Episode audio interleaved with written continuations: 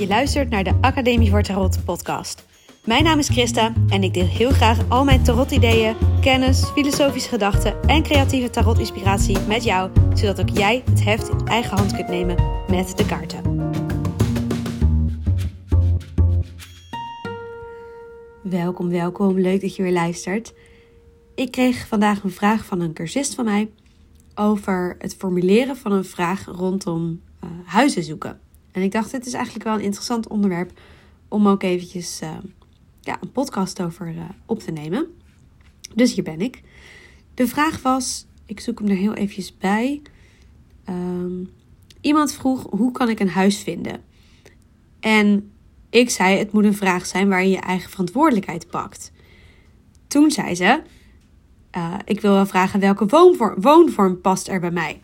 Maar dat was ook een vraagvorm waar ze eigenlijk niet direct iets mee kon. Dus de vraag is: hoe formuleer je nou een goede vraag rondom het thema huis zoeken? Want wat mijn cursist wel terecht uh, stelt, als je natuurlijk zegt: hoe kan ik een huis vinden?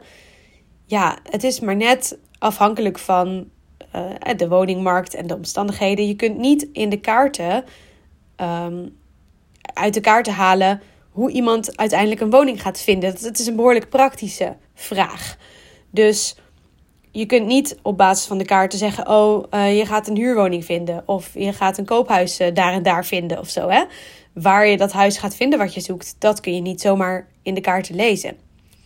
Wat je wel kunt doen, is onderzoeken of er dingen zijn die je tot nu toe nog over het hoofd hebt gezien. Of dat er misschien een manier is waarop je het aanpakt die je zou kunnen veranderen. Dus uh, dan bedoel ik, het kan bijvoorbeeld zo zijn dat het maar niet lukt om een huis te vinden, omdat je niet assertief genoeg bent.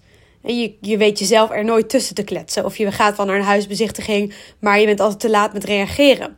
Dat is een bepaald patroon dat misschien wel zit in jouw manier van ermee omgaan. Natuurlijk kan het ook gewoon zijn dat je pech hebt gehad die afgelopen keren. Maar dit is wel iets wat je dus kunt onderzoeken met de kaarten. Daarmee heb je nog wel dus de regie zelf in handen van... Hey, hoe ga ik om met deze situatie? Uh, het kan ook zijn dat je uh, je te veel eisend bent bijvoorbeeld. Dus ik kan al mogelijke antwoorden bedenken... die je wel degelijk in de kaarten zou kunnen vinden. Dat betekent dat dus je vraagstelling... hoe kan ik een huis vinden... op zich niet eens fout is. Als je er maar van bewust bent dat die kaarten je niet kunnen gaan vertellen hoe jij. Uh, dus ze kunnen je niet um, beloven dat je dit doel kunt waarmaken. Dus het gaat er dan niet eens zozeer om dat je de formulering van je vraag moet aanpassen, maar meer dat je je tijdens het doen van het consult ervan bewust moet zijn waar de grenzen liggen van wat die kaarten jou kunnen vertellen, want ze kunnen je niks beloven. Maar je kunt wel bekijken van oké, in mijn zoektocht naar huizen, wat zou ik nog anders kunnen aanpakken? Wat pak ik misschien op een onhandige manier aan? Waar kan ik zelf beter in worden? Welke kennis moet ik vergroten? Om meer kans te maken om het juiste huis te vinden. Dus het is heel erg ligt het in de manier waarop je vervolgens het consult aanpakt. In dit geval meer dan hoe je de vraag precies formuleert. En wat je wel ook nog kunt doen als je echt zegt van nou, ik vind hoe kan ik een huis vinden toch wel te veel geformuleerd alsof ik uit die kaart een heel concreet antwoord ga krijgen van ik eh, ga in die en die straat uh, dat en dat huis vinden. Dan kun je hem ook nog formuleren als hoe kan ik omgaan met dit probleem? Dus hoe kan ik ermee omgaan dat ik nu niet een huis heb dat bij me past of dat ik nu niet woon waar ik het prettig vind?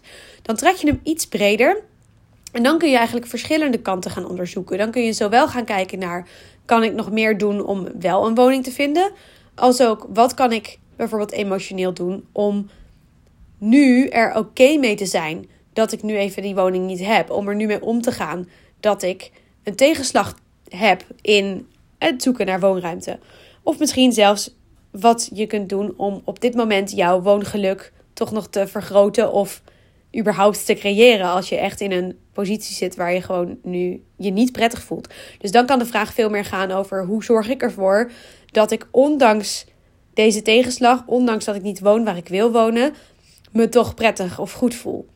En dan heb je een focus te pakken waar je wel iets mee kan met de kaarten. Want nee, inderdaad, ze gaan je niet vertellen uh, waar of wanneer je uh, op Funda je droomhuis gaat tegenkomen voor de prijs die jij ervoor kunt betalen. Zo werkt het niet. Maar je kunt wel degelijk dat vraagstuk onder de loep nemen vanuit het oogpunt: hey, hoe ga ik er nu persoonlijk mee om? Welke houding neem ik aan? En is dat een houding waarmee ik mijn kansen vergroot of juist verklein? Dus je kunt het ook zien als uh, bijvoorbeeld uh, tips erin zoeken van hoe kan ik mijn uh, houding bijvoorbeeld aanpassen zodat ik bij de makelaar meer kans maak of iets dergelijks. Of waar kan ik op letten bij het vinden van een makelaar die bij me past? Dat zijn vragen die je dus wel, dat zijn als het ware subvragen waar je wel degelijk naar kunt kijken en over kunt nadenken aan de hand van de kaarten. En dan heb je dus niet uh, een concreet één antwoord op de vraag hoe moet ik een huis vinden of hoe ga ik een huis vinden. Hoe ga ik een huis vinden is nog weer anders, hè? Want dan richt je me echt heel erg op de toekomst en ga je ervan uit dat die kaarten jou vertellen hoe het gaat gebeuren. Nee, het gaat inderdaad om dat je hem zo formuleert dat, het, dat de vraag gaat over wat jij in het nu kunt doen en over verantwoordelijkheid pakken. Dus ik begrijp heel goed dat mijn cursist zei: ja, maar hoe, hoe doe je dat dan als je een vraag hebt waarbij je best wel een grote factor van het antwoord ligt niet bij jou. Hè? Je kunt op duizend woningen hebben geboden en toch de pech hebben dat er altijd iemand is die meer geld heeft geboden. Oké, maar dan kun je je wel ook gaan afvragen: kijk ik wel naar de juiste huizen? Moet ik mijn eisen niet bijstellen? En dat is iets wat je wel kunt uh, in elk geval kunt onderzoeken aan de hand van de kaarten. En er komt niet één concreet huizenadvies uit, want de kaarten zijn geen makelaar. Maar het kan je wel weer handvatten of nieuwe ingangen geven om er weer op een andere manier ook mee bezig te zijn. En dat kan soms ook weer net die shift geven, waardoor ineens iets wel kan lukken. Omdat je gewoon even op een andere manier ermee bezig bent geweest dan je tot nu toe had gedaan.